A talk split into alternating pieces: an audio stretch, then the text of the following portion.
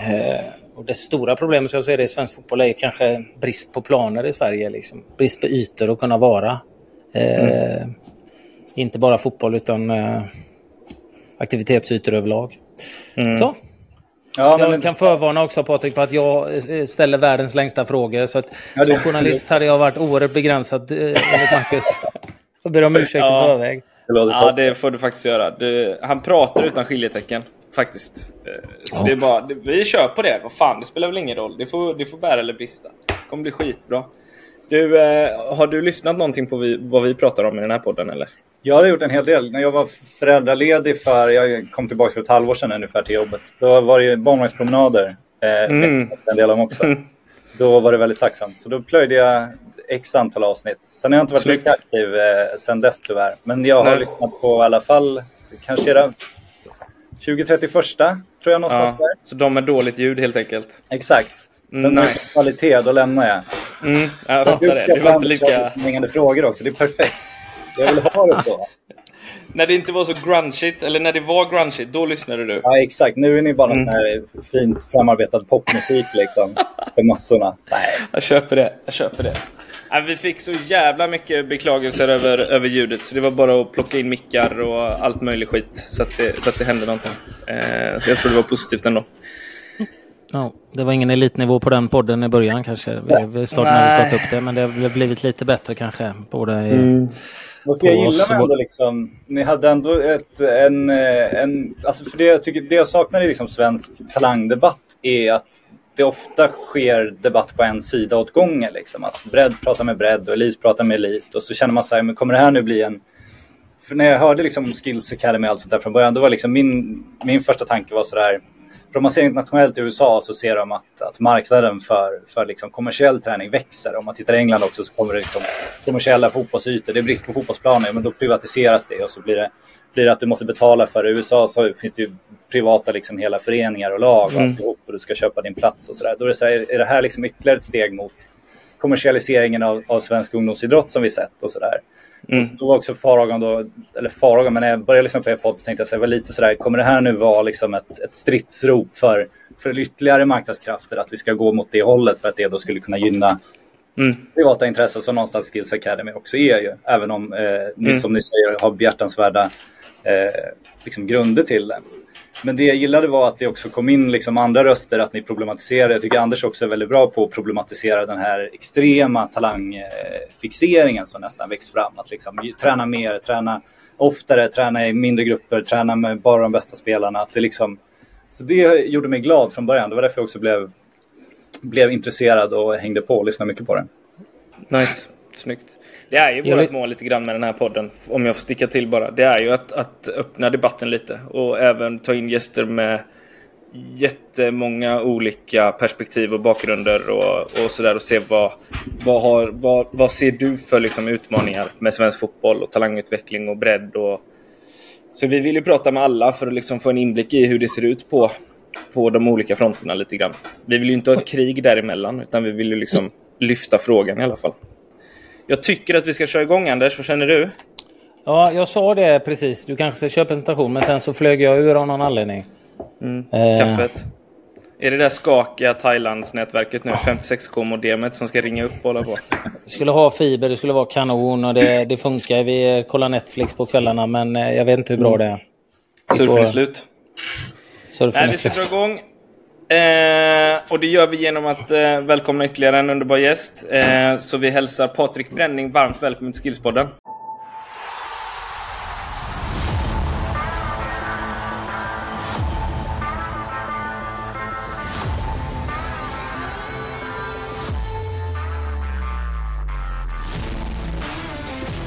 Tack.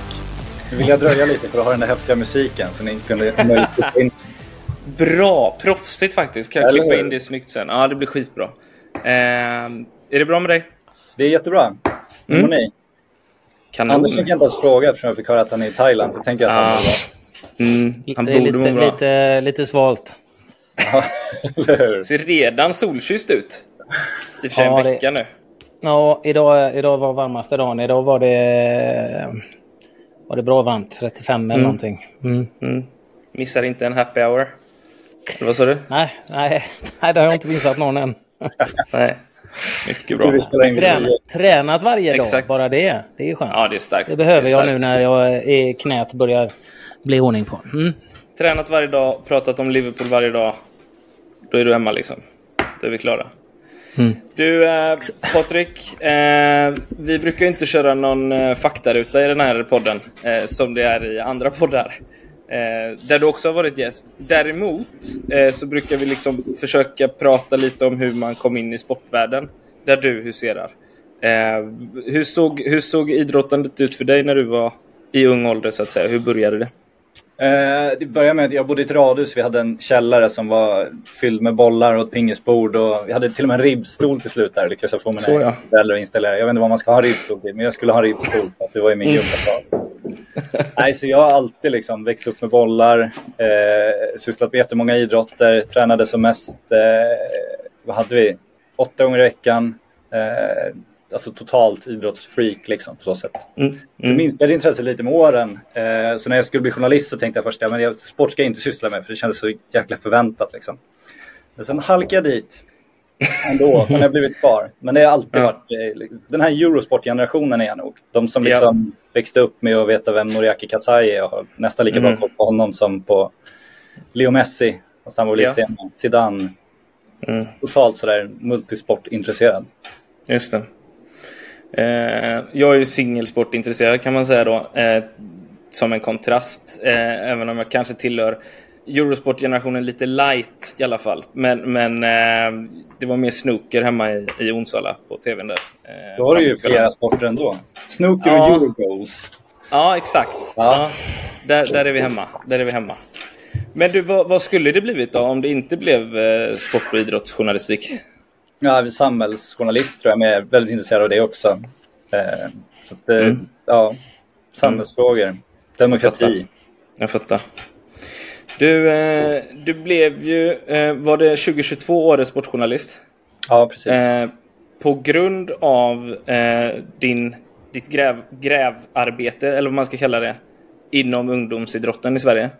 Ja, precis. Och det som mm. liksom tangerar, tangerar talangutveckling, för det handlar ju mycket om de som valts bort i de här liksom selektionsprocesserna, har det handlat väldigt mycket om. Mm. Eh, hur man behandlar dem och på vilket sätt man genomför det, eh, vilket, vilket kunskapsunderlag det baseras på, vad svensk, svensk eh, idrott kan riskera att förlora när man väljer. Eh, så mycket har handlat om det. Sen en del om mm. annat också, om ridsport och mm. behandla unga tjejer där och sådär. Men, men mestadels kopplat till talangutveckling, men kanske den sidan av saken som, som i debatten sällan hörs och även i forskningen är helt bortglömd. Eh, just då, för du kan ju, om du forskar på talangutveckling, det är ganska enkelt att forska på hur Leo Messi blev Leo Messi. Mm. Man måste också fråga sig, den vägen Leo Messi valde, var det den optimala talangutvecklingen eller fanns det tre personer som hade kunnat bli ännu bättre som blev utslagna längs vägen? Mm. I Messis fall kanske det är osannolikt, men alltså, när man hela tiden pratar om talangbanor så, så är det sällan man tittar bakåt. Det var en, mm. en person jag pratade med häromdagen som sa det, alltså, när, man, när man frågar de här mest lyckade ungdomstränare, de pratar gärna om de här en, två, kanske max tre riktigt bra spelare de fått fram. Så där. Men man kanske ska ställa frågan någon gång också, men hur många har du fått att sluta med idrott? Mm. Eh, och vad hade det kunnat finnas där? Den sidan mm. problematiseras sällan, så det, det har mm. vi ägnat ganska mycket åt. Mm. Vad, eh, du pratade ju, jag lyssnade häromdagen på när du var med i Lund, eh, Lunds podcast eh, och där pratade ni lite om det också. Vad, och vi kommer komma in på det sen, men vad, en, en fråga som vi brukar börja med här är ju våran liksom jag tror att den oron är delad fortfarande, Anders, om inte den har förändrats hos dig. Men vi är ju lite oroliga för svensk fotbolls utveckling överlag. Eh, dels eh, liksom folkhälsan, såklart, som ju är så viktig. Men också, och det vi har pratat kanske allra mest om, är ju liksom vad händer med, med våran elitfotboll? Varför eh, förlorar våra ungdomslandslag i genomsnitt mer nu än vad, än vad vi gjorde förr? Eh, varför går det så pass dåligt för vårt eh, herrlandslag. Damlandslagen går ju bra, eh, men ungdomslandslagen på damsidan går ju lite halvknackigt där med. Eh, framförallt omsprungna av andra länder i, när, i närområdet. Liksom. Vad tror du att det beror på? Det tror jag att frågan måste också lite eh, tas isär. För om man, alltså, jag tror inte man ska koppla ihop senioridrott och ungdomsidrott per automatik. Eh, det kom en hockeystudie så sent som förra veckan som, som visar liksom på sambandet mellan spel i U15-landslaget och, och sen bli NHL-spelare. Och det fanns liksom inget, det ökade inte chansen alls att bli NHL-spelare överhuvudtaget i U15-landslaget. Eh, det var först vid J20 som liksom sannolikheten ökade att du skulle bli en lyckad senior om du kommer med i, i liksom de här ungdomssatsningarna. Mm. Det har man sett på fotbollssidan också. Det finns liksom studier som visar på att det är, det är helt olika populationer som, som är lyckade junioridrottare och som är lyckade senioridrottare. Så om man tittar liksom, oj, ja men titta svenska P15-landslaget, det går inte alls bra. Nej, men sannolikheten att någon därifrån kommer vara de främsta seniorspelarna är väldigt, väldigt liten. Så att man ska nog inte tänka att ja, men P15 är jättedåliga, då om fem år kommer A-landslaget vara jättedåliga. För det, det kommer vara andra spelare i A-landslaget om vi inte har, har förstört vår talangutvecklingskraft och bara behållit dem från P-landslaget. Liksom. Mm. Mm. Det, där, det där är ju intressant med, för jag var ju på en föreläsning om biobanding. Mm. Eh, och eh, då hade de en eh, studie från Serbien tror jag det var. Eh, där de hade, om det var, jag tror det var, de var 15 år, om det var eh, några U15-landslag i Serbien eller någonting då. Och då hade de just det där med biobanding då, din, egentligen din fysiologiska mognad. Och då mm. var ju, jag tror det var drygt 60 procent av dem i U15-truppen var i, eh, från tidigt utvecklade. Och så var det kanske 20 till 30 procent någonstans som var liksom on time, den normala utvecklingen. Och så var det dryga 10 procent kanske som var sent födda. Av de spelarna sen när de var 22, vilka som hade nått elit, det vill inte landslag utan elitnivå, då var, det, då var ju de, den stapeln omvänt. Det var ju typ 60, över 60 procent av de här 10 procenten som var sent födda som hade nått just det du är inne på där att kunna se när du är 15, det är ju helt egentligen ointressant. Men där kommer vi till ett av mina kärnproblem som jag har. Det är ju just att i svensk fotboll, ungdomsfotboll, vill vi gärna vinna här och nu. Så att vi ser ju på dem som ligger långt fram och använder vi dem då, ja då vinner vi mer matcher här och nu. Men styrkan är ju att kunna se dem som faktiskt ligger efter som utvecklas. För lite som eh, Tommy heter han, Tommy Lundgren heter han. Eh, Lundberg. Tror jag. Lundberg. Lundberg, Lundberg förlåt. Eh, sa ju det att du har ju oftast en fördel. Jag, jag var ju själv där som, som, som de här sent eh, utvecklade. Men de kämp, krigar man på där och så får du utveckla andra egenskaper och du får liksom kämpa så har du kanske större chans, en fördel nästan att vara fysiskt sent utvecklad. För att du får kriga Nackdelen, och nackdelen är ju ganska stor med tanke på eh, begränsad kunskap och tålamod och, och, hos eh, ledare, är ju att du kanske får mindre speltid, mindre uppmärksamhet och förtroende, vilket gör att du slutar. Men mm. de som verkligen hänger i. Där tror jag är problemet idag med ungdomsledare. Titta i fotbollen och jag går åter tillbaka till där jag ser i, i Göteborg där jag tränar. Det är väldigt, väldigt många som vill vinna serier här och nu för 10, 11, 12-åringar liksom. Eh, och då väljer man ju de som är fysiskt längst fram. Ja, det är helt naturligt. Och den där studien i Serbien, den här hockeystudien, tar upp just den studien också. De, de får ju lite samma resultat. De säger också ja. just det här att i de tidiga juniorlandslagen, ja men då är det fler som är tidigt utvecklade. Men i NHL och de som nådde dit så är det till och med fler som är sent utvecklade än som är normalt eh, mm. utvecklade i normal takt. Liksom. Så mm. de drar ju också den, den slutsatsen att det, det, kan till och med vara en fördel att vara sent utvecklad men bara om du ändå lyckas komma in på de här elitishockey-gymnasierna så att du ändå får möjlighet att få den här träningen som ju är ja. viktig. Och där, där kommer då, det. Ja, kör du Marcus. Äh, men ja, då blir jag lite så här ändå, då blir jag lite skraj för hur tar vi hand om dem som liksom är då, om vi ska använda det ordet som liksom tidigt utvecklade. Hur gör vi för att ta hand om dem då? Då tar vi inte hand om dem på rätt sätt heller. Alltså så här, om du, om du är, Ja, men alltså så här, om du är lite längre då än genomsnittet när du är 11 skiter man bara i den spelaren då? Och så, tänker så här, han eller hon klarar sig ändå. Och så faller tror, de bort sen. Jag, jag, tror, jag säger inte att det är överlag, men, och det har kanske blivit bättre, men jag tror överlag man tittar, spelar. Har du en, en, en lång, stark, tidigt utvecklad spelare som kanske är teknisk, kan vara teknisk, eh, fysiskt, motoriskt tidigt utvecklad, men den gör fyra, fem mål varje match. Du vinner matcher på grund av att den gör sina 4-5 mål fast den gör egentligen fel för den måste släppa bollen. För om 3, 4, 5 år så kommer det sättet att spela inte fungera. Och mm. det är ju mm. ledarnas fel. Jag menar, det är ju inget som säger att den spelaren inte skulle kunna bli jättebra. Men man coachar inte den, för det, det, ja, han är ju snabbare än alla vi möter. Vi lägger en lång boll in bakom, för spelarna i den åldern kan inte försvara. Ja, men då springer han, gör ju fyra, fem mål varje match. Och sen mm. tar det bom stopp där. Då har ju inte han som var tidig, eller hon, lärt sig någonting. För att man inte utvecklat. Man kan ju säga till en spelare som sa okej, okay, ta, det, ta som exempel. Jag hade ju en, en, en tjej, eh, har jag haft en tjej i vårt 13, eh, pojkar 13 lag som fysiskt lång, långt fram, snabb, en av de snabbaste, kanske den snabbaste, väldigt, väldigt duktig. Eh, och hon gjorde många bra saker. Jag sa till henne det liksom. Ja, det är jättebra, du, du gör ju två mål här nu och det är jättebra, men du springer på fy, tre, fyra olika positioner. Du måste släppa bollen och röra dig, för om ett par år så kommer inte det här funka. Och liksom springa mm. själv. Och du, du gör mål och du är jättenöjd med det och det är fantastiskt, jag är glad för det. Men aktionerna är fel, fast du lyckas för att du är fysiskt överlägsen. Mm. Det handlar ju om att ledarna ska utbilda även de som ligger långt fram, inte bara de som ligger långt efter, utan alla lära dem. Det ja, tror jag är ett problem. Ja, det, det är ju ganska enkelt. Alltså, man tänker på svensk skola. Liksom. Din uppgift som lärare är inte bara att lära han som är duktigast på matte och bli ännu bättre. Utan din, din uppgift är ju minst lika mycket att lära den som är i mitten och den som är sämst på liksom, också ta sig fram. Alltså, om man skulle se alla, för som du säger, den här killen som är jättesnabb och gör fyra mål. Vad händer då om fem år när, när det inte funkar längre? Alltså, sannolikheten mm. att han orkar ta sig igenom den, den liksom, utmaningen eh, den kan man ju se som ganska liten då. Det har vi ju sett också. Det kommer ju en chock för dem. Liksom. Mm. Jag tror 90 procent av dem slutar på grund av att de inte tycker att de... Ja, de tycker jag är, nu är jag helt plötsligt inte alls bra. Det känns slutar man. som aldrig, aldrig liksom utsatts för en utmaning tidigare och inte fått med sig ja. de verktygen de behöver. Men om du då ser på honom så här, men hur, hur ska jag, om du ser på varje spelare, hur ska jag utveckla den här spelaren fem steg till istället? Ja, men vad är, mm. han, han kanske inte behöver spela forward och, och vara snabbast och göra två mål hela tiden, för det kan han ju uppenbarligen. Men flytta ner honom på centralt mittfält då, eller liksom ge honom en utmaning i försvaret.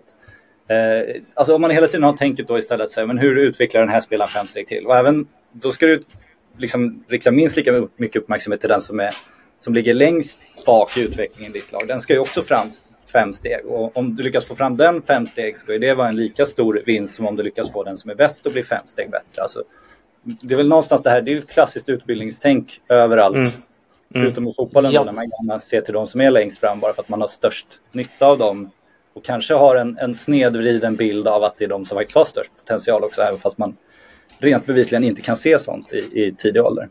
Mm. Men då, då kommer vi till eh, en av mina stora kärnfrågor och som jag brottas med i Göteborg väldigt, väldigt mycket, Patrik. Och jag har lyssnat på podden med Olof Lund också. Här vet jag inte riktigt hur du står, för vi pratar mycket om selektering, eh, vilket jag är, är, är, helt emot, för det, det är skadligt. För att få fram så många bra fotbollsspelare, tjejer och killar, så behöver vi ha eh, eh, en, stor eh, bank att ta av. Därför måste vi få spelare att fortsätta eh, träna och inte sluta. Så där, där är jag helt med dig. Men nivåanpassning då, som vi pratar om här egentligen, för att kunna stimulera alla oavsett nivå. Där, har, där, där i Göteborg blir vi oerhört motarbetade där tycker jag. För det, jag upplever ju att det är det som skolan. Har du till exempel den här tjejen som jag vill stimulera henne och de övriga i vårt lag kanske inte är tillräckligt bra. Hur kan jag göra det? Jo, hon får spela lite matcher med med eh, typ tre fyra år äldre tjejer. Hon har spelat med äldre killar. Ja, men, den nivåanpassningen brinner jag mycket för och det, det känns som eh, inte majoriteten kanske, men väldigt många i Sverige ser det samma som selektering och toppning. Och det, det har jag lite svårt att acceptera. Men vad, vad står du och känner du i den frågan? Så jag, det bekväma är att jag slipper just att ta ställning. Det är det som är så skönt. Så att jag kan, det jag slås av i debatten är ju dels att när man pratar om nivåanpassning så är det väldigt ofta man pratar utifrån den bästas perspektiv. Att vi måste liksom också eh, utbilda och, och testa de bästa och de ska, ska också ha möjlighet. Och så det, det, är väldigt sällan man hör att du, att du vänder på det och säger men vi måste nivåanpassa de som är lite sämre också så att de hittar en, en bättre nivå för dem också. Så det känns som man ofta har elitperspektivet när man pratar om nivåanpassning. Och det tror jag är dumt, för jag tror också att nivåanpassning, om man lyssnar, tittar på liksom den kunskap som finns, så it makes sense liksom. Eh, mm. Att du ska spela på din nivå.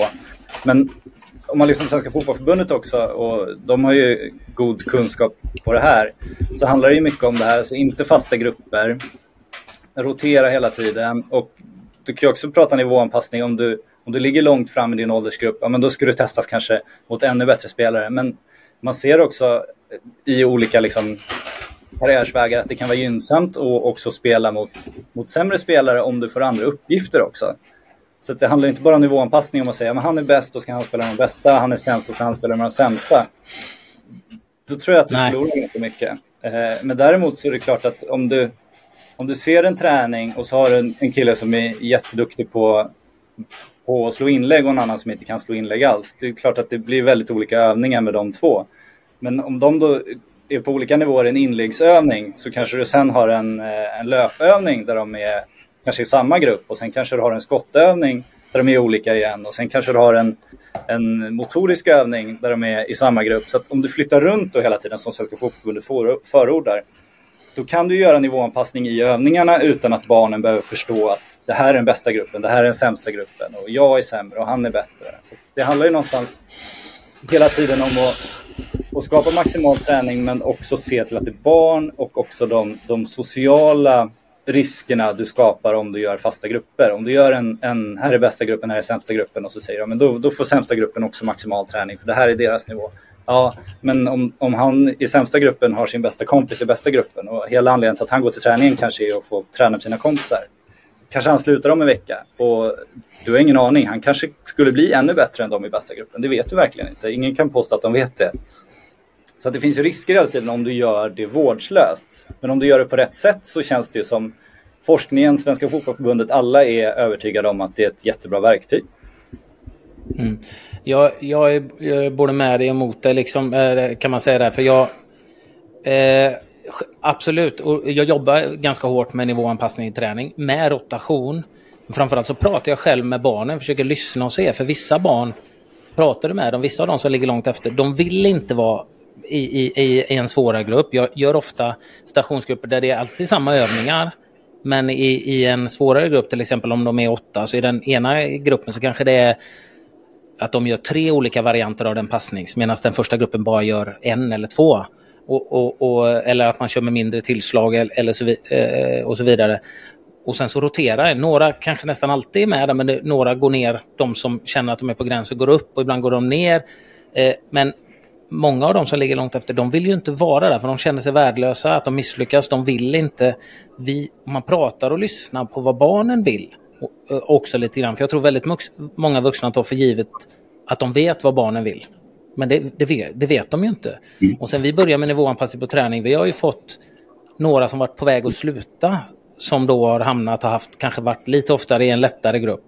De har ju fått tillbaka glädjen, de kommer tillbaka innan träningen kom, ökat i närvaron och att man pratar och frågar barnen vad de tycker om det. Och sen så tror jag också på det här du säger att inte göra alla övningar nivåanpassade. Vissa individuella grejer, stafetter eller, eller individuella eh, moment där du inte kanske påverkas av att eh, du är mycket bättre än mig Patrik. Så den här kan vi göra för det, det jag gör drabbar inte dig om man säger så. För det är ingen passning vi ska slå. Så att man ändå får samhörigheten att man är i samma träning och att man är i samma lag.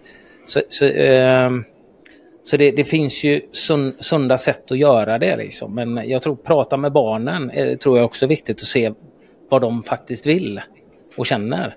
Och det, det gjorde vi och vi fick några, men jag vill absolut inte vara i den gruppen där uppe med, med, med hon tjejen som ligger långt fram. För jag, jag känner att jag förstör och jag får inte röra bollen och då känner jag ingen delaktighet och ingen glädje. Så att... ja. Nej, men jag köper allt det där. Eh, och lyssna på barnen är väl A och O. Alltså, för någonstans så är det ju en idrottsverksamhet. Det är ju barnens verksamhet. Du ska hjälpa barnen med deras fotbollsverksamhet. De är inte där för att hjälpa dig för att bli en fotbollstränare. Liksom. Så det är klart, utgå från barnen och vad de vill. Det, det, är ju liksom det självklara. Så det låter helt rätt. Sen är det spännande det här också om du, att, du, att de känner sig värdelösa.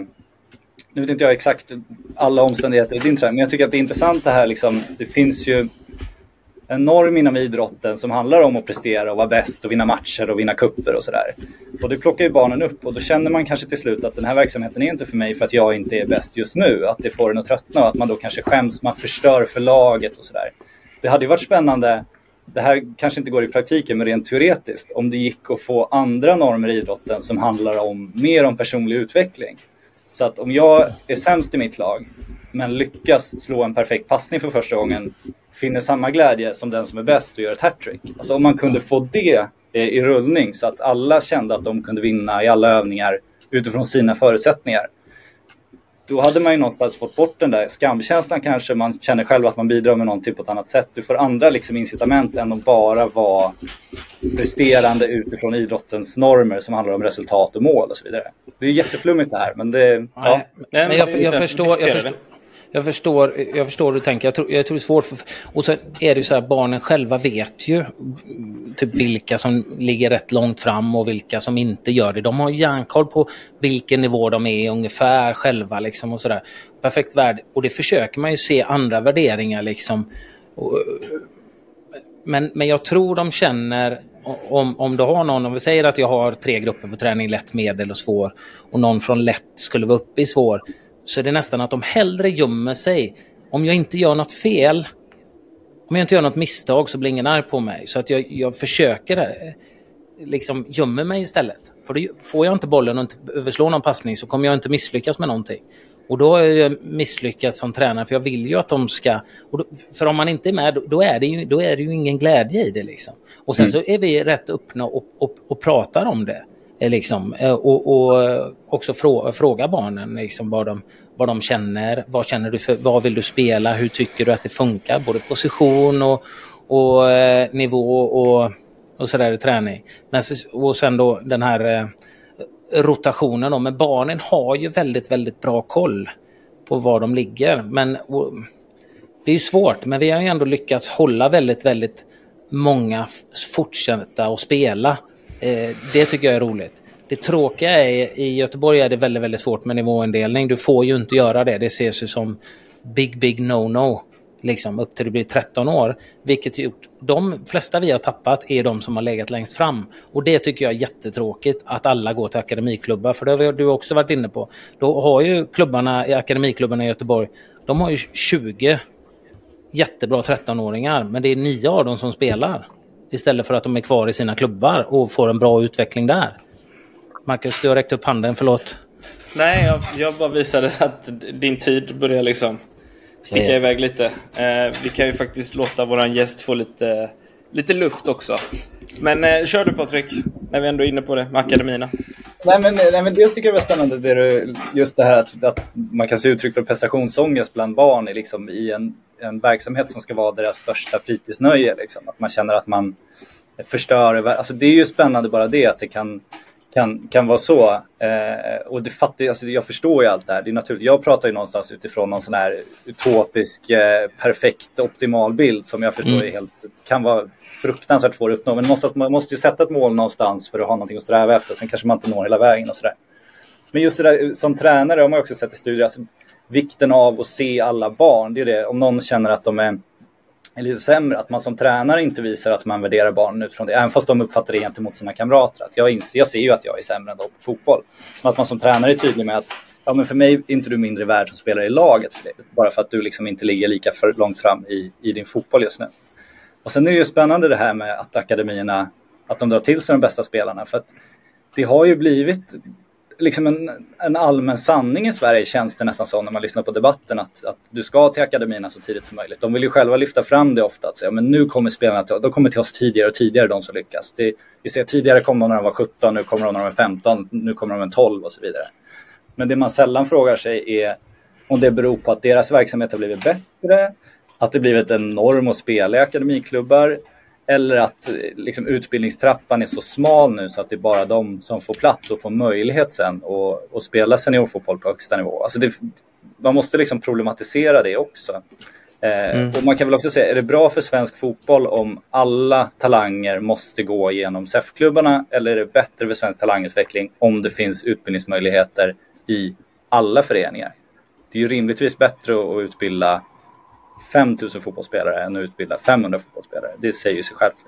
Mm. Och jag skulle gärna vilja att du förklarar lite grann om det här som jag tycker är intressant i podden som du pratar om, eh, Atletico Bilbao. Till exempel det här med att, jobb, att akademi, de stora klubbarna jobbar med breddklubbarna. För det är ju någonting som jag jag skulle önska, om man tittar i Göteborg, då tar du fyra stora lag framförallt och Göteborg, eller IFK, Gais, Häcken, ÖIS, till viss utsikten upp. Att det bästa för dem vore ju att komma ut och jobba med klubbarna och se till att ha spelarna kvar. Istället för att eh, en av de här klubbarna har 20 jätteduktiga 13-åringar där, där mer än hälften inte får spela jättemycket så är det bättre att de är i sina klubbar och man samarbetar. De kanske kommer ut, utbildar ledarna, är där och håller i träningar, samarbetar. För att... För jag menar, det, jag ser det som ett jätteproblem att det är 20-13-åringar i en stor klubb där och nio får spela. Vad händer med de andra elva som får väldigt lite speltid? Och det blir också dessutom väldigt svårt, det var du också inne på det här med i Stockholm, att, att få bra motstånd. Då får man ju åka land och rike runt sen. Ja, och då blir det kostnadsdrivande direkt. Nej, men också, man kan mm. tänka, det är inte bara Athletic Bilbao, efter Köpenhamn jobbar på ett liknande sätt. De har också hur många samarbetsklubbar som helst i yngre ålder och så har de knappt någon egen barnverksamhet. Liksom. Mm. Och man kan tänka i, Anders lag då, om, de här barnen som tyckte att ja, men vi kan inte vara kvar här, vi får inte liksom tillräcklig stimulans, vi måste gå till en akademiklubb. Om akademiklubben hade varit på era träningar regelbundet, sagt till de barnen, ja vi har koll på er, ni är jätteduktiga, det här behöver ni jobba på. Eh, vi, vi, skickar ner vår tränare en gång i månaden. Han kommer vara med i er träning då, kommer se er, kommer, kommer visa lite tips på övningar och sådär. Eh, men var kvar i din förening. Vi har koll på dig. Det här är din bästa utvecklingsmiljö. När vi tycker att det är dags kommer vi lyfta över dig sen om du håller nivån fortfarande. Då, kan man ju, då skulle ju de kunna liksom hjälpa och stimulera så många, många fler spelare än att bara ha sitt eget barnlag.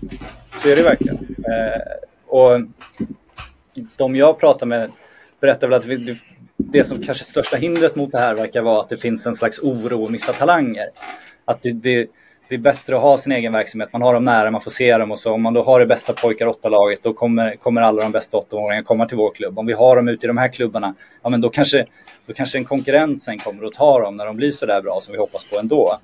Och det är väl fördelen med Athletic Bilbao att de är så dominerande i sin region så att de är helt säkra på att de kommer få det. Fördelen för FC Köpenhamn också. De är också så dominanta i liksom Köpenhamnsområdet, hela Danmark kanske inte riktigt längre, men har varit i alla fall. Så de vet ju att pekar vi på honom så kommer han komma hit.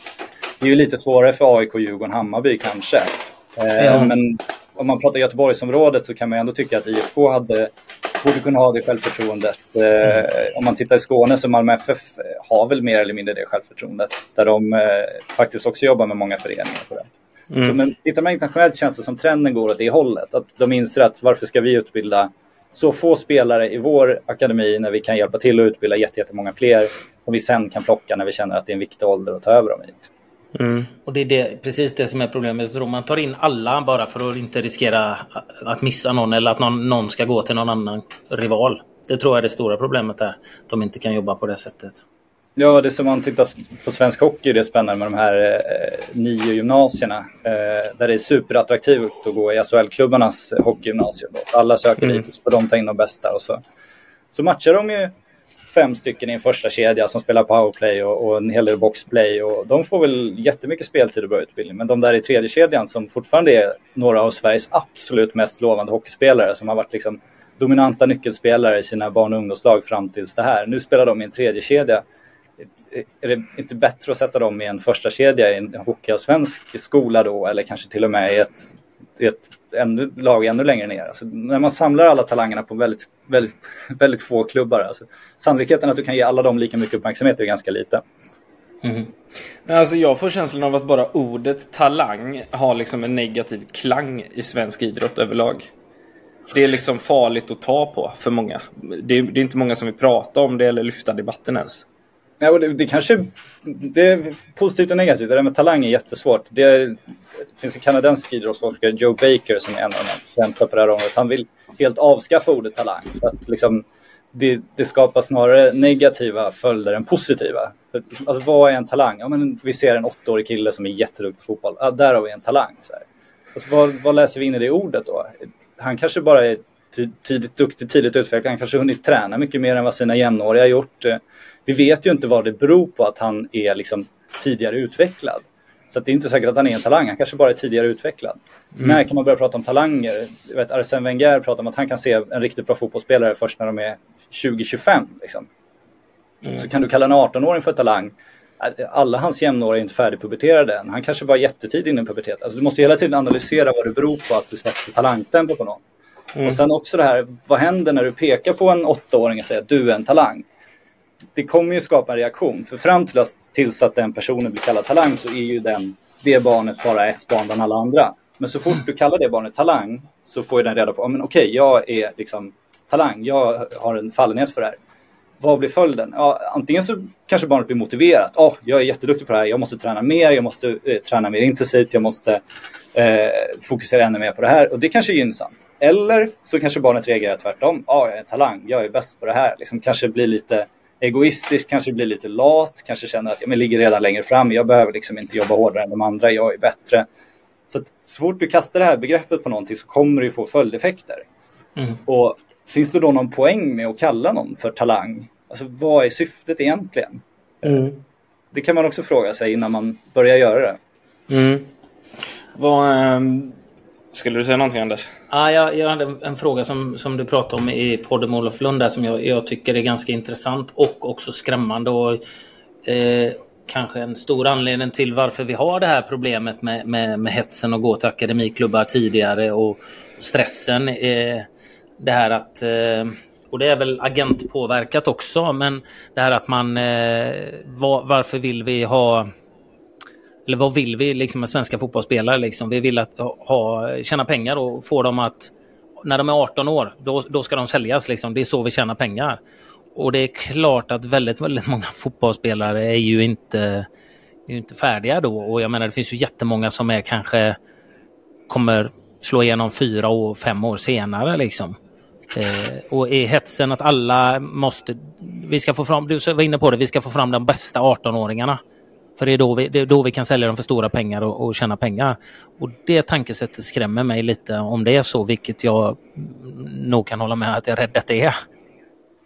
Ja, och det är spännande också vad följde, för man kan tänka i en perfekt värld så hade man fått fram de bästa 18-åringarna, så hade man sålt dem till utlandet och så hade det blivit plats i allsvenskan för de sent utvecklade som kommer upp och får, får samma bra skolning och speltid. Och så. Det hade ju varit en perfekt värld.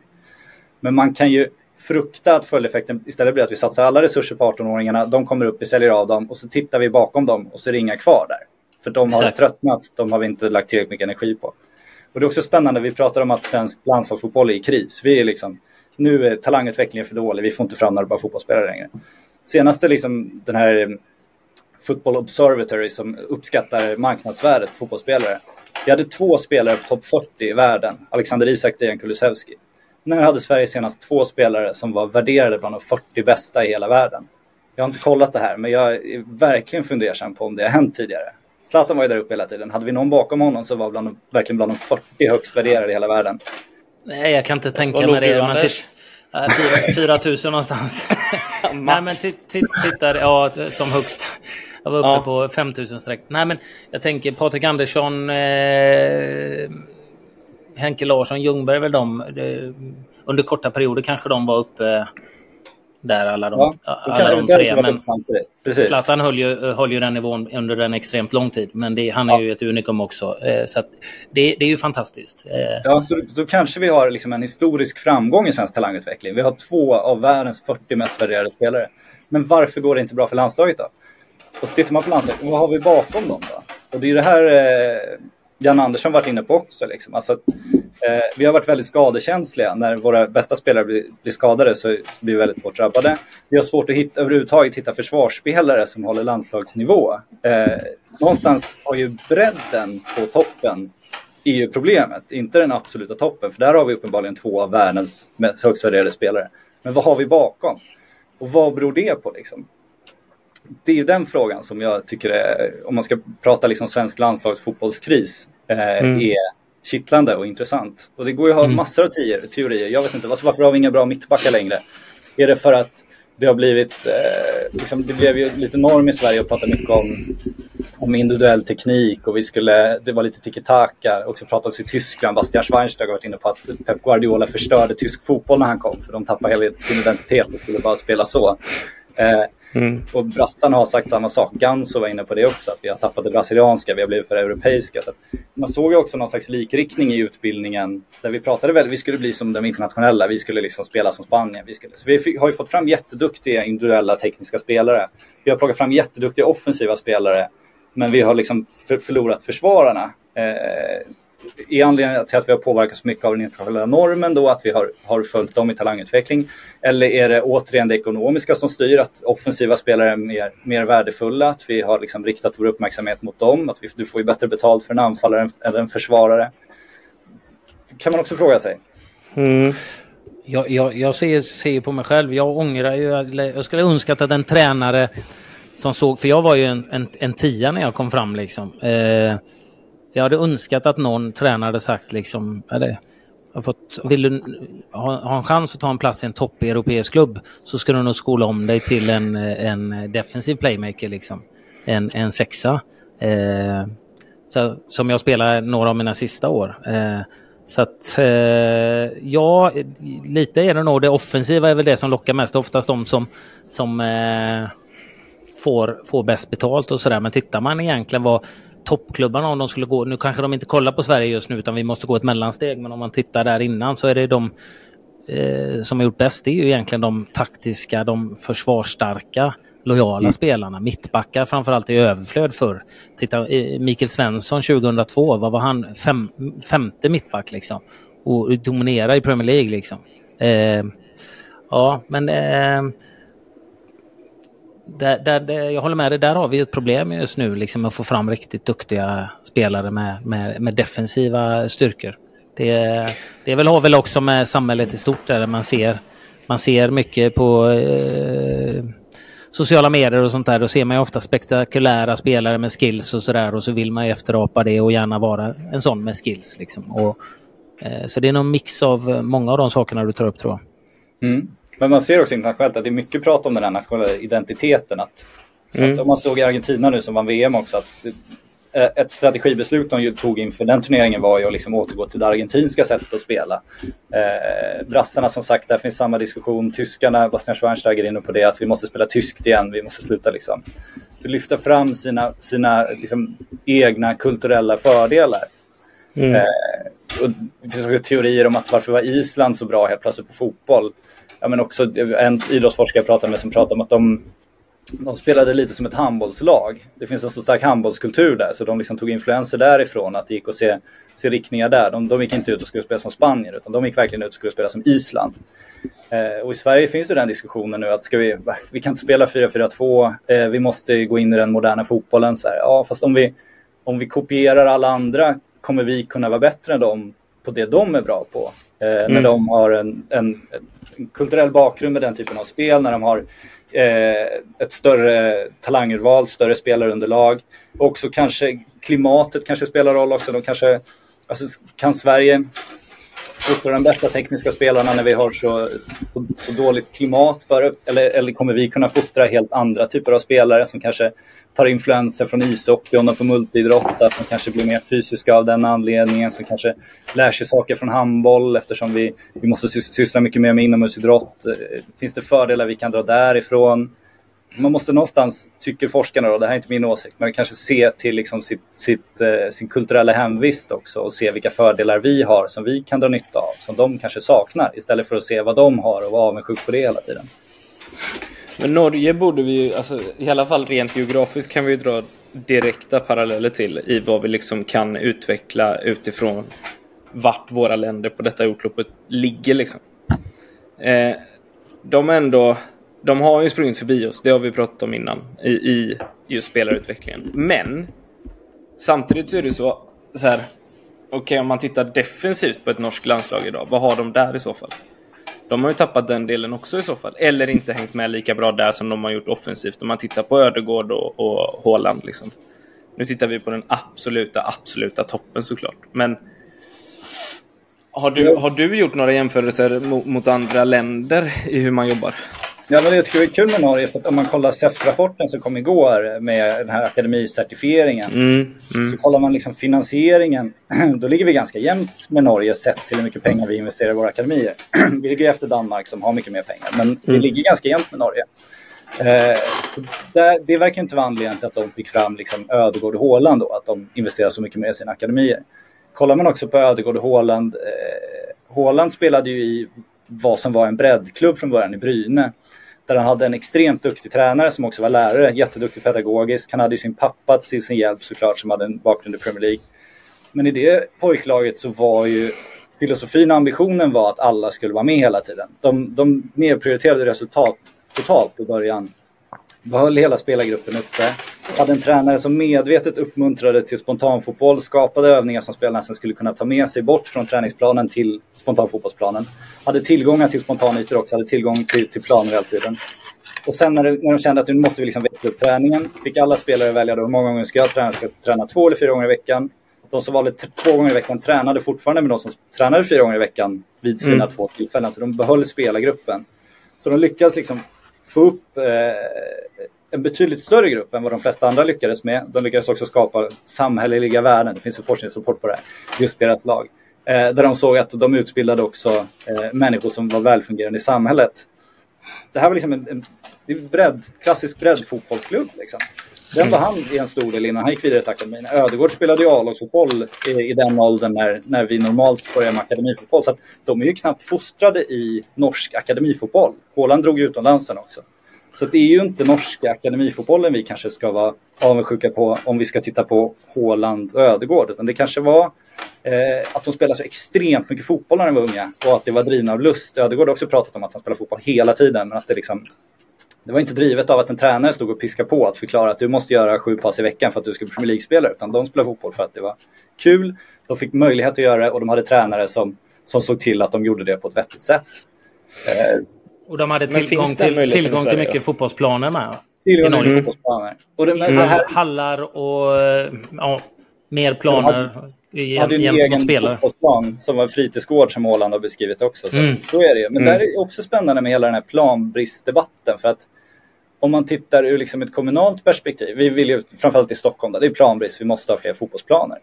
Men om man jämför med resten av Sverige, eh, om vi pratar om, alltså ur ett kommunalt synvinkel, så det viktigaste för idrottsytor är att få, få medborgarna i rörelse så att det kanske i första hand skapar folkhälsovärden.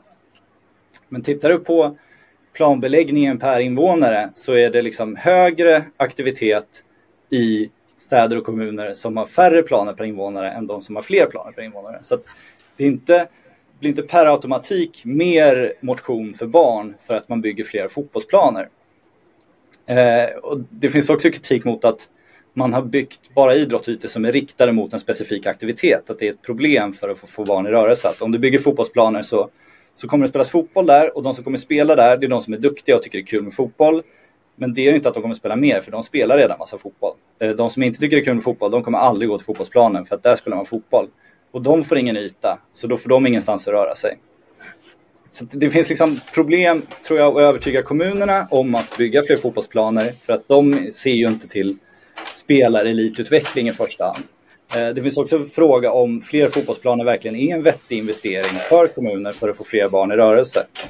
Eh, och sen så finns det också intressant tycker jag att den här elitinriktningen inom svensk ungdomsidrott gör någonstans det finns tecken på att det har skapat en bild hos barnen. Att spela fotboll, det gör man på en eh, konstgräsplan. Eh, man gör det tillsammans med en tränare och man gör det under organiserade former. Spela fotboll gör man inte som när till exempel jag var liten på närmsta gräsmatta med fyra, fyra liksom gympaskor som mål. Det är, så spelar man inte fotboll. Så man säger, hur kommer man till rätta med planbristen? Hur ska vi få fler barn att spela mer fotboll? För det måste vi få om vi ska utveckla fler talanger. Då måste fler barn spela mer fotboll tidigt. Det är liksom det främsta receptet. Mm. Är det fler fotbollsplaner då eller ska vi försöka bygga en norm igen där, där vi spelar fotboll spontant på ytor som inte är fotbollsplaner, som finns tillgängliga överallt? Eh, inom hockeyn samma diskussion. Alla gamla legendarer jag pratar med säger att vi ser ingen som spelar, spelar hockey på gatan längre.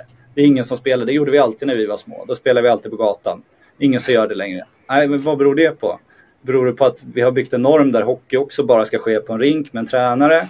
Eller är det för att vi har organiserat så mycket träning eh, att vi, barnen inte har tid att spela spontant längre? Alltså det finns så många aspekter av det där. Så jag tror det här, vi måste ha fler fotbollsplaner. Ja, om fler barn ska spela organiserad fotboll tidigt måste vi ha fler fotbollsplaner. Men finns det ett annat, men det är, liksom, det är en utopi att vi skulle få så många fotbollsplaner tror jag. Mm. Eh, så finns det ett annat sätt att lösa det och få fler barn i rörelse. Men så, så, så, är det väl också. Där är det ju, tror jag, det finns så många andra saker som, som lockar. Det är ju inte som eh, när jag är lite äldre, men vi, vi hade ju inte skärmar och, och, mobiler och sånt där utan vi var ju ute hela tiden. Och jag menar vi byggde ju våra egna hockeymål, spelade hockey med tennisboll. Vi, vi, vi satt, precis som du säger, satt upp pinnar eller käppar i en gräsyta eller grusyta som var nära och så spelade vi fotboll. Men det finns ju mycket annat. Bortskämda skulle jag vilja säga. Nej, men de, de är bekväma för de får allting serverat liksom, i organiserad form. Och, och, och, men vi serverar det också i organiserad ja, form. Ja, vi gör ju det. Och då blir det ju lite att de är bekväma. Att de ser inte en gräsyta som möjligt. Okej, okay, här kan vi lira. Eh, tyvärr. Det, och jag vet inte hur vi, vi kan komma tillbaka till det. Jag vet inte om det är möjligt. Nej, det, det, det finns, finns, forskning som tyder på att när, när vuxna organiserar lek också så blir det både mindre lärorikt och eh, mindre njutbart för barnen. Mm. Eh, så att ett sätt att få barn eh, att leka bättre och mer ska vara att ta ett steg tillbaks enligt den typen, den teorin då. Eh, för svaret har hela tiden varit, ja men ungarna rör inte på sig, vi måste organisera mer idrott. Jag vet också att mina barn går på en skola där de, där de har liksom tagit in en extern förening nu som ska hjälpa barnen att komma i rörelse på rasten och efter skolan. Att de ska liksom organisera ännu mer lek. Mm. Eh, mm. när en teori till att barn sitter still så mycket är för att deras lek har blivit för organiserad. Ja, vi, det är svårt, det är komplext. Men eh, mm. mycket tyder på att lösningen inte är att skapa ännu mer organiserad idrott. Nej. Nej. Men, jag, jag, äh, ja, kör. Nej, jag, jag, jag skulle vilja ha mer... Eh, jag skulle gärna vilja ha mer sådana aktivitetsytor, kombinations... Eh, det, som man har sett. Eh, jag försökte få igenom det i det området där jag bor. Att vi skulle bekosta det själva, vi som bor i området. För det fanns bara gungor för typ de minsta barnen och det var ju ganska snabbt så, så var ju barnen trötta på sandlådor och, och gungor liksom i ett nybyggt område för 12 år sedan. Liksom. Eh, och att bygga där du hade typ sarg, det var basketkorgar, det var linjer för handboll, det var liksom eh, innebandymål. Nej, men, och det var även, eh, vad heter det, eh, parkour, heter det va? Park, mm, parkour. parkour. Ja, men, li, lite allt möjligt så att det inte bara var riktat mot en idrott. Utan man kunde gå ner med en basketboll, man kunde gå ner med en tennisboll, innebandyboll eller, eller fotboll. Lite mer sådana aktivitets Multi-five-side-planer. Ja, mult multi-arenor kallas det så, eller vad säger man? Just. Ja, men jag tror att du är helt... Mm. Jag läste en, en rapport kopplat till det handslaget som var ett ekonomiskt initiativ tidigare. De byggde två nya fotbollsplaner på två olika platser i Sverige för att få, med målet att få fler barn i rörelse. Och slutsatsen sen var att de enda som kom till fotbollsplanen var barn som redan var i rörelse. De andra kom inte. Eh, och deras rekommendation då var just att bygga ytor som är odefinierade för lek. Alltså att det är inte tydligt vad du ska göra där, men det är en yta som är möjlig för lek. Liksom. Eh, så det går åt det hållet nu. Eh, och det skulle ju vara gynnsamt liksom, för barnen fotbollsutvecklingsmässigt också, för det skapar ju motorik och liksom, du lär känna en kropp. Och det, det, det är gynnsamt att eh, röra sig mycket och göra olika typer av övningar. Eh, och det är också kul tycker jag, för jag bor i Vasaparken i Stockholm eh, och jag läste att det finns en skylt där, liksom när den parken kom till. Och då, var, då gjorde de en stor gräsyta i mitten där barnen skulle, skulle leka. Det var odefinierat. Det var en gräsyta, här är gräsyta för lek. Och så efter ett tag så blev det en fotbollsplan. Och efter ett tag blev det en konstgräsplan. Där spelar barnen fotboll nu. Eh, det sker ingen annan lek än fotboll där. På vintern är det en ishockeyrink. Där åker barnen skridskor, sker inget annat. Och så finns det en liten gräsyta till bredvid eh, som då hade kunnat vara kanske för odefinierad lek. Då. Men den är avstängd större delen av året för att spara på gräset. Så liksom den här stora parken som skulle vara till alla barn och alla, alla lek och rörelse och stimulera till det. Den har blivit liksom en, en fotbollsarena, en hockeyarena och ett, en avstängd gräsyta där vuxna går och solar på sommaren istället. Så att hela barnperspektivet är helt borta där. Men det är mm. åt det hållet det gått. Men nu med kunskapen nu så, så omdefinieras det, så det kommer väl gå åt andra hållet. Och och ska man se, nu låter det så här, ja det är bra för svensk talangutveckling att bygga massa lekytor. Det låter ju flummigt såklart, men jag pratade med Dale Reese häromdagen. Eh, ja, men, svenska herrlandslaget och fysansvarig och sådär. Och, han var inne på tidigare att han har behövt lära eh, spelare i ett av sina klubblag att ramla. För de hade inte fått med sig det under sin liksom, utbildning och sin uppväxt och sådär. De, de hade ingen kroppskontroll som gjorde att de klarade av att ramla på ett, på ett lämpligt sätt, vilket gjorde att de var oroliga och liksom inte klarade av fysiska situationer på ett eget bra sätt. Och man ser också internationellt eh, toppklubbar som har lekplatser på sina träningsanläggningar. eh, som för den, den typen av grejer. Jag har också sett eh, privata initiativ i Sverige där privattränare tar, alltså barnlag hyr in privattränare till fysträningar där barnen gör kullerbyttor och hinderbanor. Och, alltså vanlig lek som vi förut gjorde naturligt ska nu organiseras så att barnen inte längre får med sig den, de grejerna från det som behövs liksom, för att bli bra fotbollsspelare. Motorik, kroppskontroll och allt sånt där. Mm. Det hade nog varit ganska gynnsamt för svensk talangutveckling om det kom fler odefinierade lekytor också. Där har vi en sån grej som eh, vi har pratat med dels eh, en av våra egna, eh, Thomas Ek, som har drivit Vikito Training i många år, som nu är Skills Fitness, då, gymdelen hos oss. Som var inne på det här med motorik och, och koordination hos barn. Hur dåligt det har blivit. Alltså, Eh, tittar man främst i yngre åldrar där han jobbar mycket på... Alltså du behöver inte lyfta vikter när du är 10 bast. Utan du kanske ska göra en kullerbytta. Du kanske ska stå på händer mot en vägg. Eh, Sådana här saker. Men han hävdar att liksom 50% av barnen kan inte ens backa. Alltså inte utan att sätta i hälarna utan backa på tå lite grann, lite lätt och smidigt. Det går inte, då faller de. Det var mm. liksom hans första så här, vart är vi på väg någonstans nu? Mm. Vad, vad händer här? Jag Där blir han orolig. Jag pratade med en innebandytränare för barn som sa att hans barn inte kunde göra kullerbyttor. Alltså, de, de, de kunde inte. De ja. gick inte. Nej. Att, nej, och det är ju, hur ska du då kunna bli en, en riktigt bra idrottare om du inte kan göra kullerbytta eller ens backa på tå? Liksom, säger sig själv. Ja. Men då är frågan, ja, men ska idrotten då organisera eh, aktiv träning så alla barn lär sig backa på tå? Eh, mm. Ja, det, det, är väl bra om barn lär sig det, men det, vi pratar om resursbrist i svensk idrott. Det känns som en jättedålig idé. För det här mm. var ju någonting som alla lärde sig naturligt förut, alldeles gratis av sig själva utan att eh, svensk idrottsresurser borde, behövde slösas på det. Så om man ska avhjälpa både planbristen och resursbristen eh, så känns det som vi måste tillbaks till en, en ett samhälle där barn eh, rör sig spontant, eh, naturligt och utan ledare. Liksom. Alltså barn börjar leka igen. Dels det, men har det tagits bort i... Alltså grejen är så här, jag, så jävla gammal är inte jag så jag minns ju min skolgång Anders.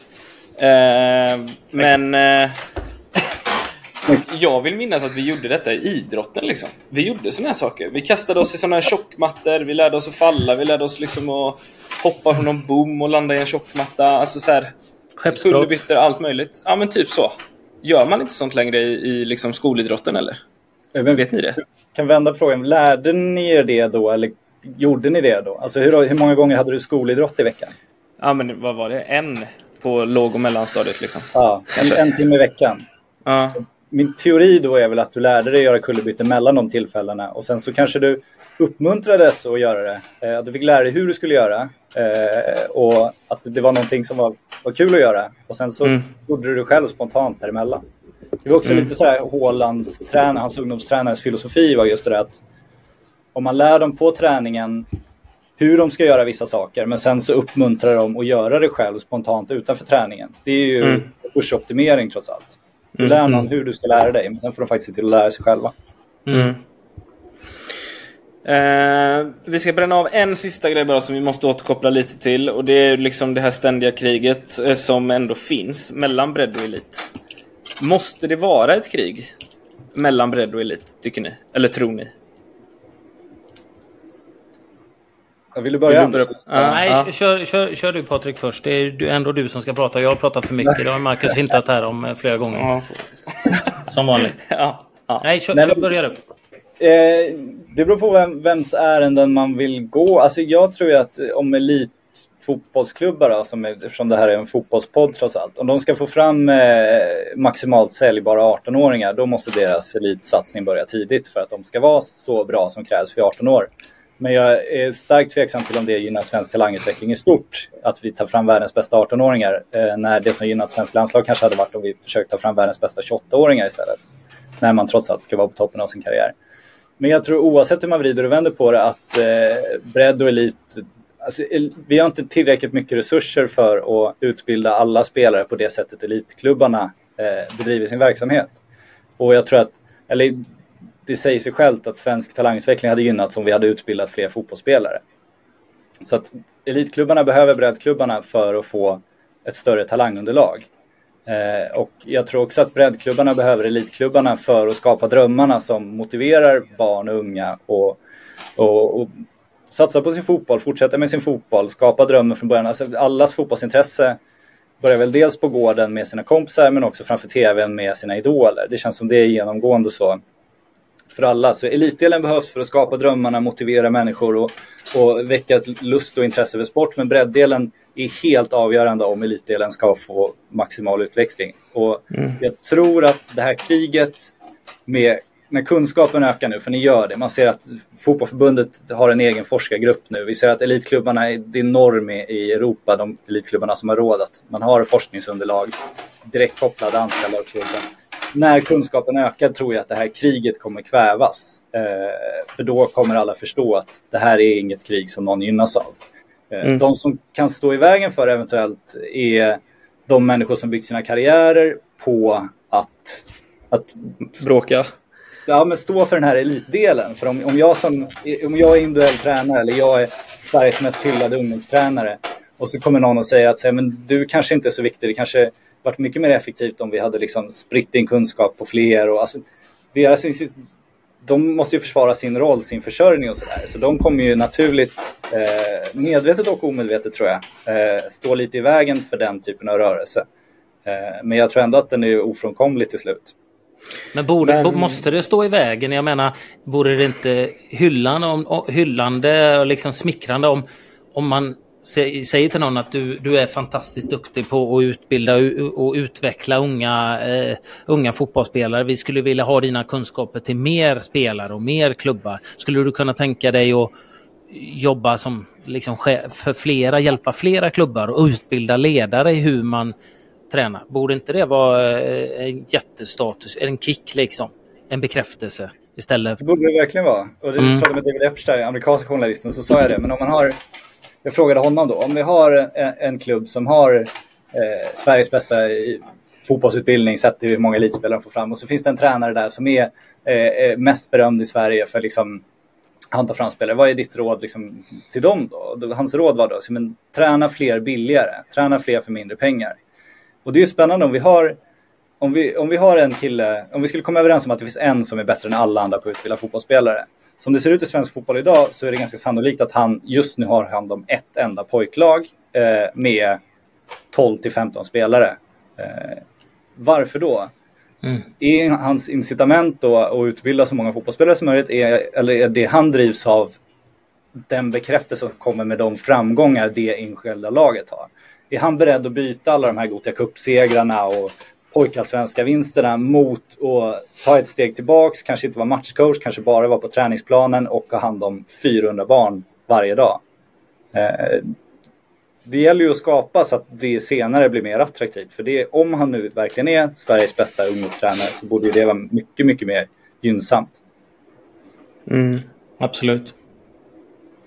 Jag känner bara, jag känner, jag, jag hör vad du säger. Jag känner bara att det är sånt jävla, det är så jävla onödigt krig för att eh, i min bok så är det bra att vi har olika miljöer för olika typer av fotbollsspelare och ambition. Alltså så här, jag vill bli bäst, säger jag när jag är 13 år gammal. Eh, jag vill eh, dit till den klubben. Då måste jag ju kunna gå dit och få en, en adekvat utbildning där också. Eh, egentligen, kan jag tycka. Utan att breddklubben där jag kanske börjar i eh, liksom vill hålla kvar eller att jag inte är redo för att gå till akademi och så vidare och så vidare. Eller att det är fult att gå till en akademi. För jag tycker inte det är fult. Däremot så tycker jag att en akademi i Sverige idag knappt kan kalla sig en akademi i förhållande till typ Norge-Danmark. Där har jag svårt, för att jag tycker inte utbildningen är i närheten av lika bra. När den här Malmökillen pratar om att, att Rooney gick till FCK på grund av pengarna till exempel. Då, då, då reser sig håret lite på mig och känner att det tror inte jag. Eh, alltså, om jag ska vara helt ärlig så tror inte jag det. Visst, FCK kan säkert betala Rooney lite mer i månaden än vad MFF kan göra. Det tror jag säkert. Men hade ambitionen från MFF varit att hålla kvar honom och ge honom chansen i en seniortrupp i Allsvenskan de hade fått hur mycket pengar som helst för honom. Till slut. Om de hade bara satsat några extra kronor då. Men jag tror fortfarande att han väljer att åka över sundet till FCK för att han vet att hans utbildning och strategin och planen och hans utveckling kommer bara att skena i FCK. På ett helt annat sätt, till exempel. Ja, jag, jag, jag, har inte, jag har inte den kunskapen av fotbollsutbildning så jag liksom kan, kan vikta och inte den insikten hur Norge gör det. Kunna vikta dem mot varandra. Men det, det är ju tydligt också. Det jag tycker, om du vill gå till en akademi, ja men det är klart att alltså ett barn ska få spela fotboll vart de vill. Men mm. eh, det finns också vad ligger till grund för det, den viljan? Är det liksom är det normen då? Vill man bara kunna visa upp på Instagram att man spelar en ja. akademi? Är det statusen som kommer med det? Ja, det är klart att det lockar jättemycket. Men mm. det är bättre för din fotbollsutveckling. Är det den du ska prioritera, då kanske det är bättre att vara kvar hemma med det sociala alltihop. Och mm. Det är också det där, om, om alla ska spela i akademiklubbarna.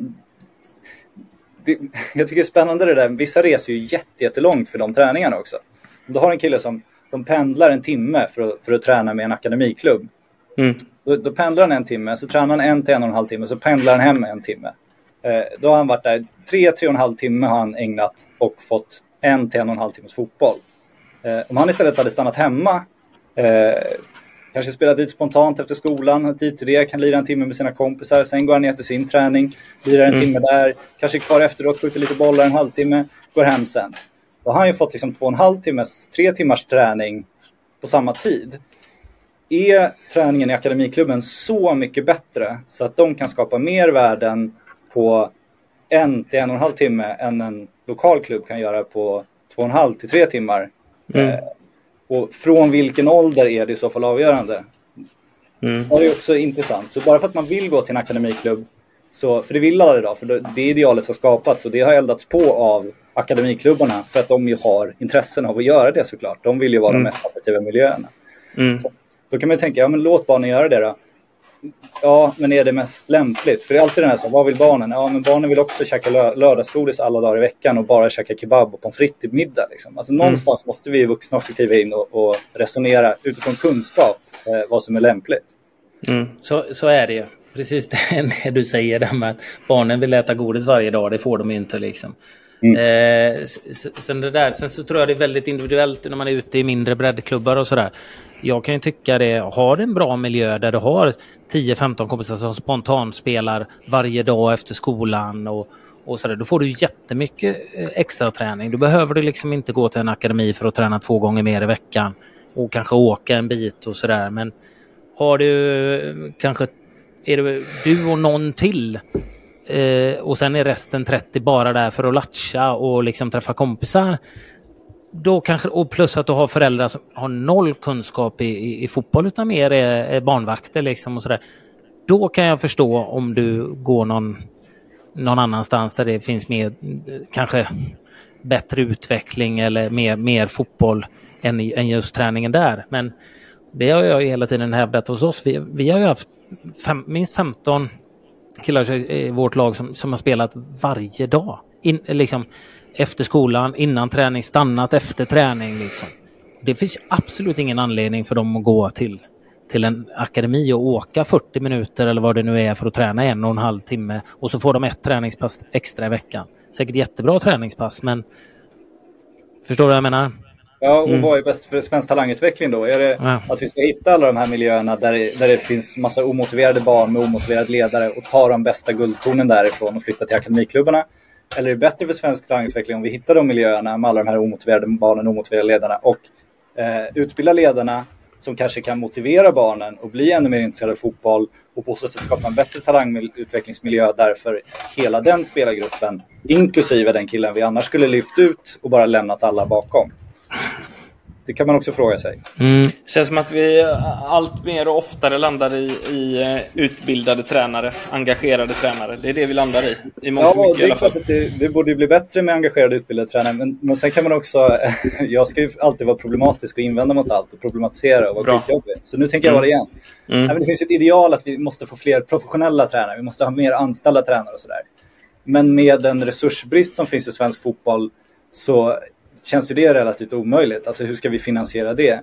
Och när vi då hela tiden pratar om det här idealet att vi ska ha avlönade tränare, att det, det har gjort att det någonstans är finare att ha en 19-årig kille som direkt avslutat sin egen fotbollskarriär, eh, eh, som inte nådde den nivå han önskar kanske. Och så får han 15 000 kronor i månaden för att träna ett pojklag. Då är han professionell, utbildad och anställd. Det är någonstans finare än att ha en föräldratränare som kanske är lärarutbildad, som kanske är jätteduktig på, på pedagogik, eh, men som kanske inte är svinbra på fotboll. Men det är lite fult för han är bara föräldratränare. Mm. Eh, det tror jag är en risk. Jag tror att om man ska liksom... Du måste få bättre utbildade tränare, ja. Men det kanske är bättre att höja statusen på det ideella och genom att utbilda, ställa krav, eh, motivera dem eh, istället för att försöka liksom, avlöna tränare med de få kronor vi har i svensk fotboll.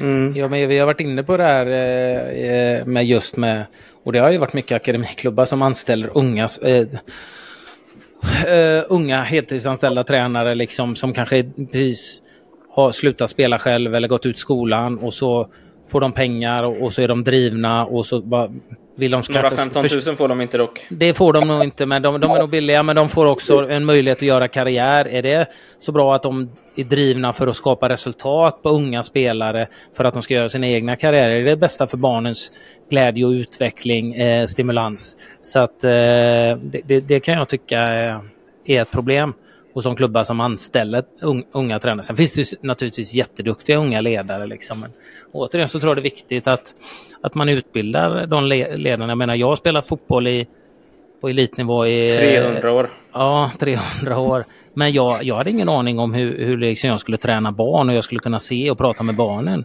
Så mm. förutom att gå de här eh, CBA tränarutbildning så har jag ju även gått eh, barn och ungdomsledarutbildningar via SISU då för att lära mig att jobba med barn och prata med barn och sådär. Så det tror jag också Men det gör ju inte att... alla.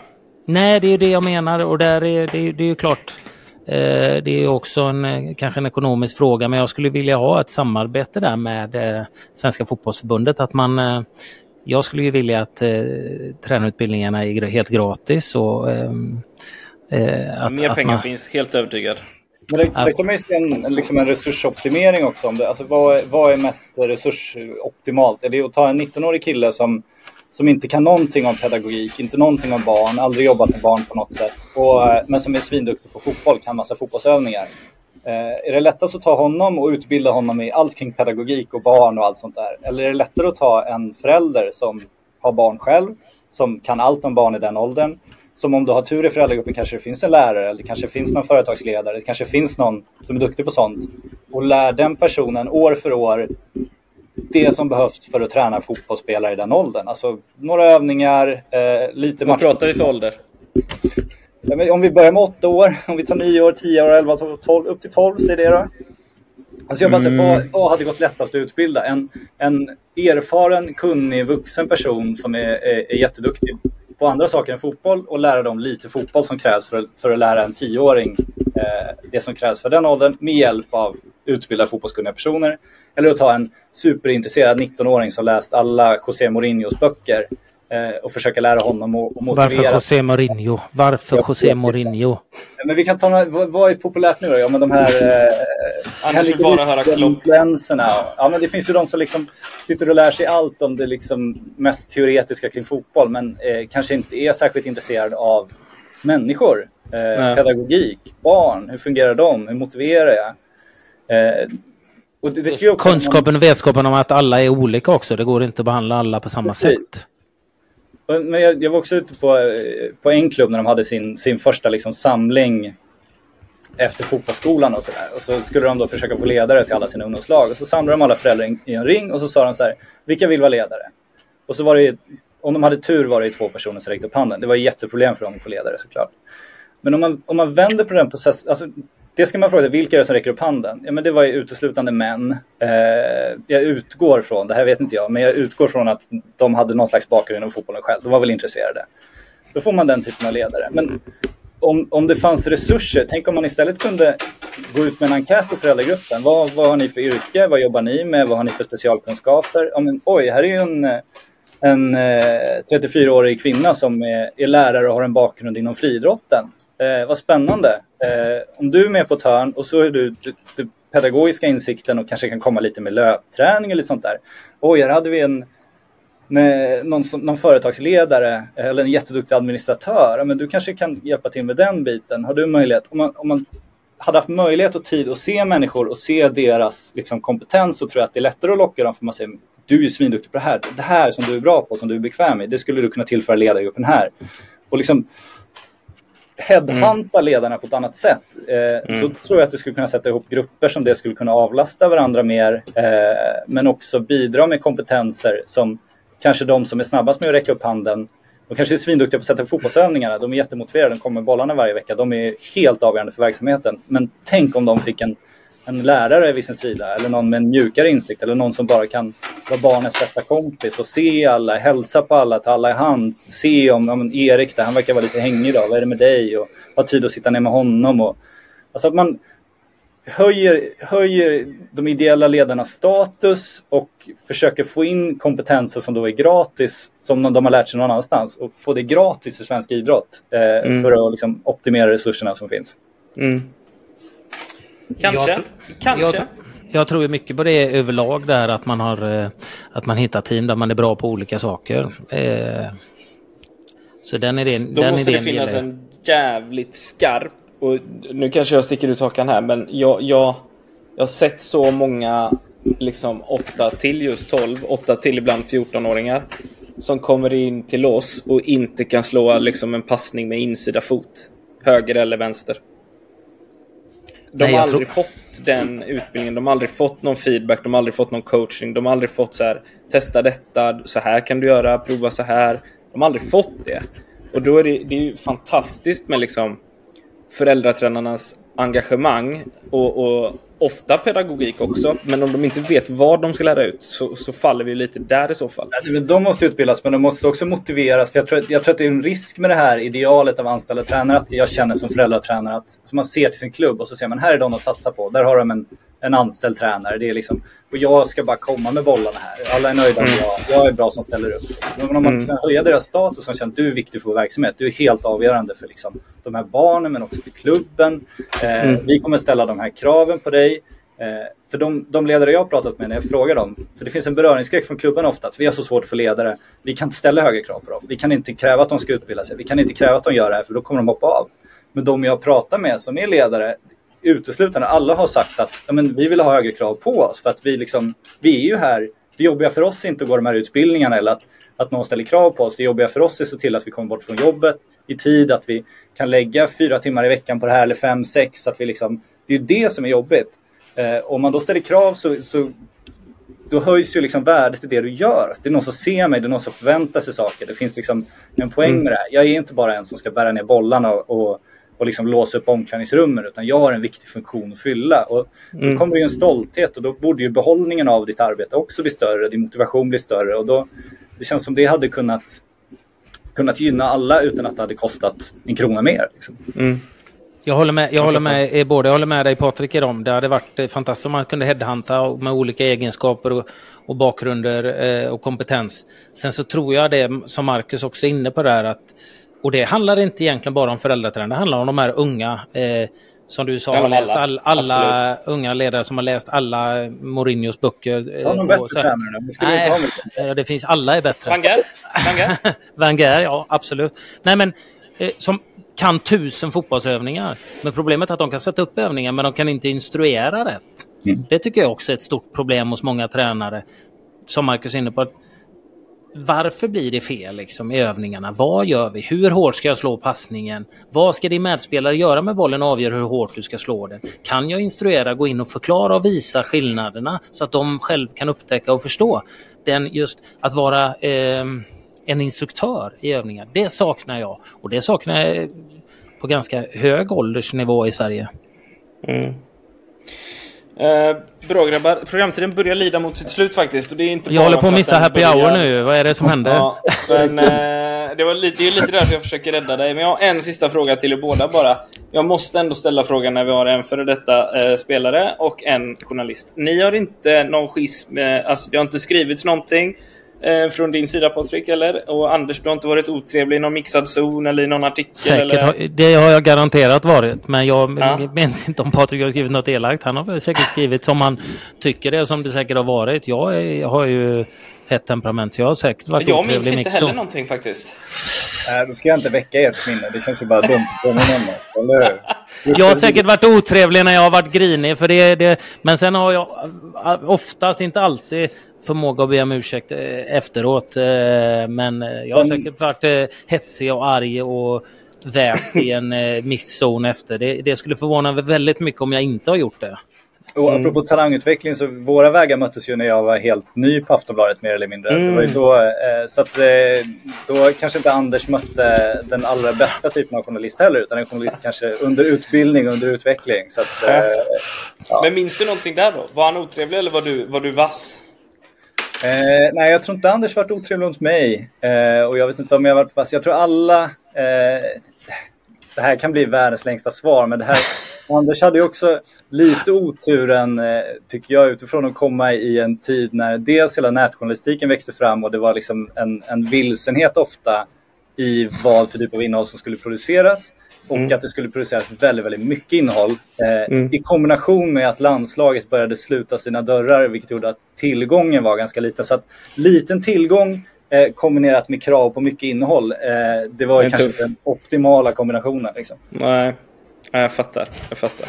Skönt. Jag emot eh, Anders. Han har aldrig skällt ut mig vad jag vet. Så att... ja, skönt. Tack. Ja, tack. Bra. Det är oftast domare som fokar på det istället. Anders, det är bra snack. Oh. Nej, eh, bra grabbar. Tack som fan för att du var med och surrade lite med oss Patrik. Ja, eh, tack Patrik, jätteintressant. Det är roligt att prata fotboll. Tycker vi i alla fall. Fortsätt gräv. Det här är Fortsätt skriv. Du, jag har en pinsam fråga bara om jag får ställa den. Dum fråga. Som är, men eh, när jag lyssnade på podden eh, med Olof Lunda bland annat eh, som var väldigt intressant och bra. Eh, men din bok, är den släppt ännu? Nej, den är inte släppt ännu. Bra, den är inte det? Du kan det här Anders. Proffsigt. Proffsigt. Det här borde jag ha pushat. Ja. ja nej, faktiskt. Den, ligger, den ligger för genomläsning just hos redaktören. Okay. Jag har fått lite feedback, Under 2024 sa du i alla fall va? Vi hoppas det. Mm. Det ser vi fram emot att läsa. Ja, du kommer gärna tillbaka också. Ja, ja mycket bra. verkligen. Vad, vad, vad är titeln? Eh, titeln är inte satt än, men hela grundidén är hur eh, svensk ungdomsidrott kommersialiserades, eh, varför och de helt felaktiga grunderna till att det genomfördes. Cool. Någonting för oss att läsa, Anders? Det ser vi fram emot. Kan vi slå hål på några myter kanske? Underbart. Nej, tack som fan Patrik. Eh, tack vi hörs längre fram. Stort tack. Jag går ner till happy hour. Gör det. Gör det. Ciao. Ha det bra. Hej.